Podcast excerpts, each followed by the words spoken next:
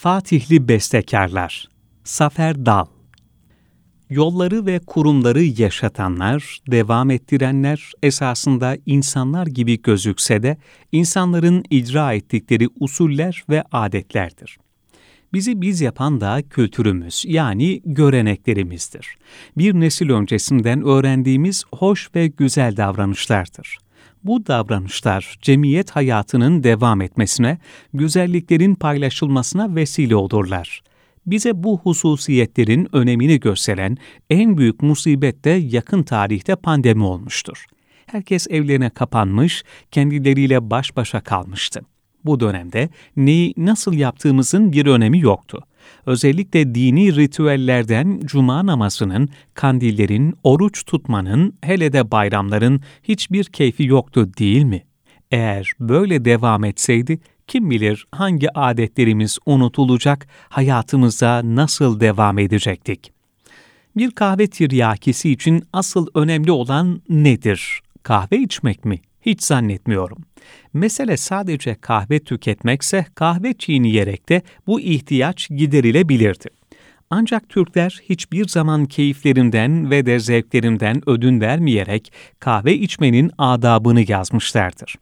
O kahve ağır ateşte pişecek, taze çekilecek, en güzel porselen fincanlara dökülecek, tepsisi seçilecek, yanına su koyulacak, mevsimine göre şerbet hazırlanacak, birkaç gün evvel Hacı Bekir'den alınmış taze lokumlar yanına koyulacak teferruatı bol bir iştir kahve ikram etmek. Zira bir insanla 40 yıl hatırınızın olması bu kadar kolay olmamalıydı değil mi?''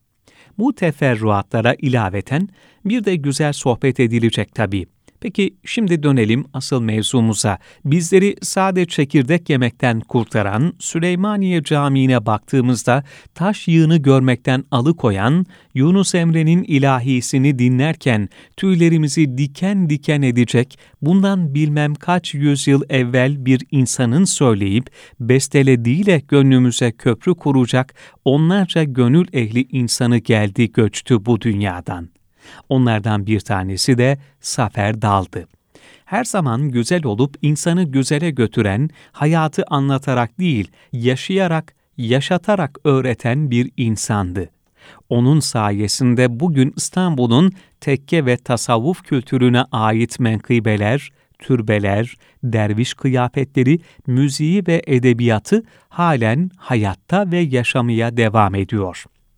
Zafer Dal 20 Ağustos 1926'da Eğri Kapı'da Hacı İlyas Yatağan Camii yakınında doğdu. Annesi Ülker Hanım, Bulgaristan'ın Rişto şehrinde doğmuş, baba tarafından Emir Sultan'ın soyundan gelen muhacir bir ailenin kızıydı. Babası Sadık Ramazan Efendi ise Arnavutluğun Sitrikçan köyünden Süleymanlar namıyla meşhur bir aileye mensuptu. Zafer Efendi'nin çocukluk yıllarında oldukça heyecanlı, yerinde duramayan meraklı bir yapısı vardı. Babası helvacılık ve dondurmacılıkla geçiniyordu. Çocukluğunda bir yandan babasına yardım ediyor, bir yandan da yazları Heybeli Adada ip üstünde gezen cambazlara özenerek evin bahçesine tel gerip üstünde durmaya çalışıyordu. Ta ki büyük annesi bu duruma engel olana kadar. Aynı zamanda kara gümrüklü olması hasebiyle futbola da oldukça meraklıydı. Ayakkabısından kan taşana kadar top koşturuyordu. Öğretim çağına geldiğinde ilk durağı semtin camisi olmuştu. Çocukluğunda en çok sıkıntı çektiği dönemlerden biri de Kur'an-ı Kerim öğrenmekti. Kendisi bu dönemi Kur'an-ı Kerim'in yasak olduğu devirler diye anarak o günleri şöyle yad ediyordu çocukluk yıllarımızda namaz surelerini bu bitişik camide, Can Feda Hatun Camii'nde, Ramazan'da İmam Efendi'den öğrendim. Bu camiden kovarlardı Derviş Ali'ye, Derviş Ali'den kovarlar Atik Ali'ye. Çocuğuz, küçüğüz, kıkır diyoruz ya, cemaat kovuyor bizi. Böyle böyle imamların namazdaki okuyuşlarını takip ede de namaz surelerini ezberledik. Safer Dal, İkinci Dünya Savaşı'nın getirdiği zorlu günlerde Derviş Ali mahallesindeki Taş Mektebe ardından da Kara Gümrük Ortaokulu'na devam etti. Hocalarının yoğun ısrarlarına rağmen ortaokulu bitiremedi. Zira şekerin kilosu 5 lira olmuştu. Böylece babasına yardım ederek çalışmak mecburiyetinde kaldı. Askere gidene kadar babasına yardım etmiş, daha sonra Silifke ve Zonguldak'a vatani hizmete gitmişti. Askerden dönünce Haliç Cami Altı Tersanesi'nde ambar memuru olarak vazife aldı. Beş yıl çalıştıktan sonra baba mesleğine döndü. Sonrasında İstanbul Üniversitesi civarında meşhur Marmara Kıraathanesi'nde çalıştı. Ömrünün son devirlerinde de pastane ve düğün salonu işletmeciliği yaptı. Askerlikten sonra bir yandan maişetiyle ilgilenirken, diğer taraftan da kendisini manevi ve ruhani olarak doyuracak bir mürşit arıyordu. Bu dönemde tekke ve tasavvuf kültürüne olan ilgisi artmış, can dostu ve askerlik arkadaşı Kemal Evren'le İstanbul'un eski tekkelerini gezerek Osmanlı bakiyesi şeyhlerle ve dervişlerle tanışıyorlardı.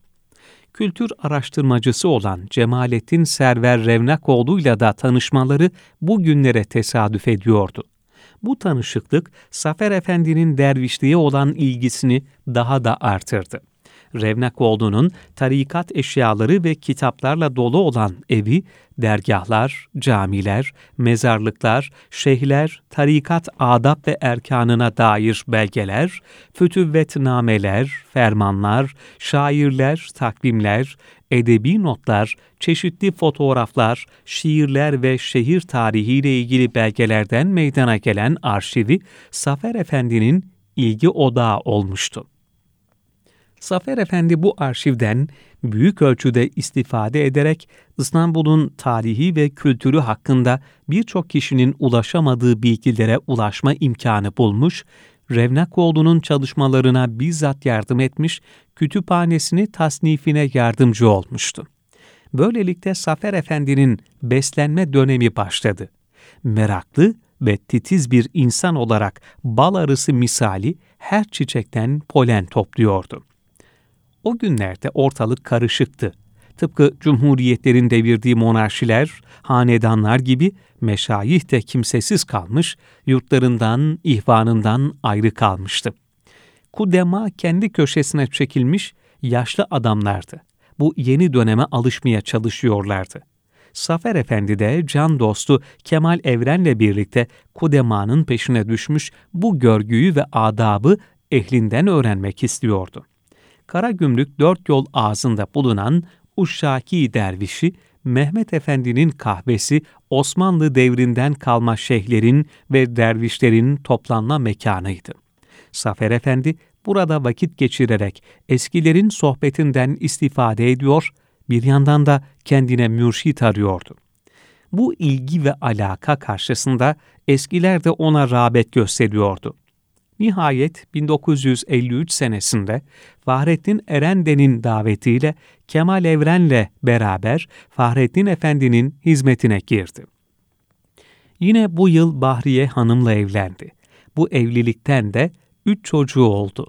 Artık hiçbir noksanı kalmayarak kendisini Fahrettin Efendi'nin yoluna ve hizmetine adadı. Safer Efendi, musikiye olan ilgisi Fahrettin Efendi'ye biatından sonra artmıştı. Bizzat bir hocanın önüne oturup musiki meşk etmemişti. Ancak bulunduğu ortamlar göz önüne alındığından buna gerek de yoktu. Dönemin en önemli ustaların meclisinde hazır bulunmuş, merakı ve ilgisi karşısında üstadlardan çoğu zaman teşvik görmüştü.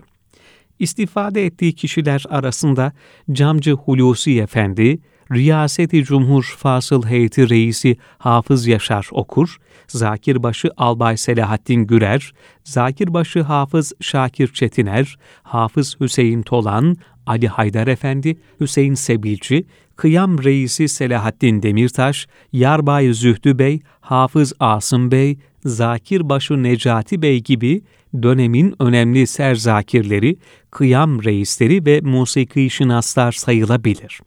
Fahrettin Efendi ve Muzaffer Özak'ın düzenlediği meclisler eski kudema için bir toplanma mekanı olarak onlara bir can suyu olmuştu.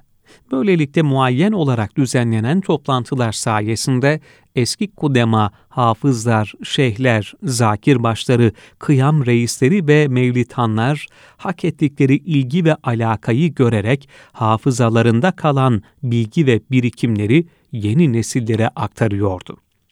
Safer Efendi bu dönemde beslenmenin bir adım ötesine geçmiş derleme dönemine başlamıştı.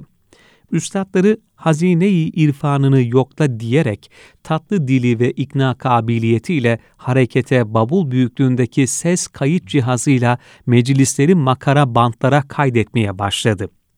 Tabii bu kolay bir iş değildi taşıması, kurması, kaydetme zorluğunu bir kenara bırakacak olursak, dönemin zorlu psikolojik şartları içerisine ustalar seslerinin kaydedilmesine pek de hevesli değildi. Sonuçta tekkeler 1925'te kapatılmış, tekkelere dair ne varsa kıymetli olanları müze depolarına kapatılmış, geriye kalanlar hurda niyetine satılmıştı. Safer Efendi'nin gayretini gören Hafız Yaşar Okur, oğlum Sefer, bu işler demode oldu, bunlarla ne uğraşıyorsun deyince Safer Efendi, belki bir gün moda olur cevabını vererek aynı şevkle çalışmalarına devam etti. Safer Efendi'nin gayretleri doğrultusunda yüzlerce eser kaybolmaktan kurtarılmıştı. Bu kayıt işinin zorlukları arasında eskilerin hatalı okuma korkusu da vardır alanında en usta isimler olmasına rağmen hata ederiz, yanlışlık olur, öylece kayda geçer diye kayıt işine hoş bakmıyorlardı. Çoğu zaman gizlice kayıt alıyordu. Eskiden bir eseri meşk etmek uzun zaman alıyordu. Günlerce, aylarca hocaya gidip gelmek, önünde diz çöküp meşk etmek gerekiyordu. Hal böyle olunca bedel ödeyerek öğrenilmiş eserlerin bir çırpıda notaya alınıp hemencecik okunması yahut kaydedilerek kolayca ulaşılması eskilerin pek de işine gelmiyordu. Zira çantalık ilahiler dediğimiz eserler belirli kişilerin bildiği günü, zamanı geldiğinde okunarak kişinin maharetini gösterdiği ilahilerdi. Ayrıca bu kimseler çoktan haddi aşmış yaşlı oldukları için seslerinin gençlikteki ihtişamı yoktu. Bununla birlikte 70-80 yıl evvel okuduğu eserleri, usulleri hatırlamak ve hatırlatmak da pek kolay sayılmazdı. Safer Efendi adeta bir arkeolog misali zihinlerdeki anıları, eserleri ve merasimleri arıyordu. Bunun içinde ser verip sır vermeyen eskilere doğru soruları sorarak zihinlerinin derinliğinden ta tekkelerin açık olduğu zamanda okudukları ilahileri ortaya çıkartarak kaydediyordu. Bazen imdadına üstadın zevki tiryakisi olduğu neyse o yetişiyordu. Eserleri öğrenebilmek için meclisin ve kişilerin de keyfinin yerinde olması, baklavaların, lokumların hazır olması zaruriydi. Bir seferinde Rumelili bir hanımdan acep lütfun seherinde ilahisini alabilmek için gece yola çıkıp ve Kara Mürsel'e gitmiş bu hanım sesinin kayda alınmasını istemediği için ilahiyi okumayı reddetmiş ancak Safer Efendi, dergahın kıdemli hanım dervişlerinden olan Hüsniye Bacı'yı devreye sokarak kadını ikna etmeyi başarmıştı.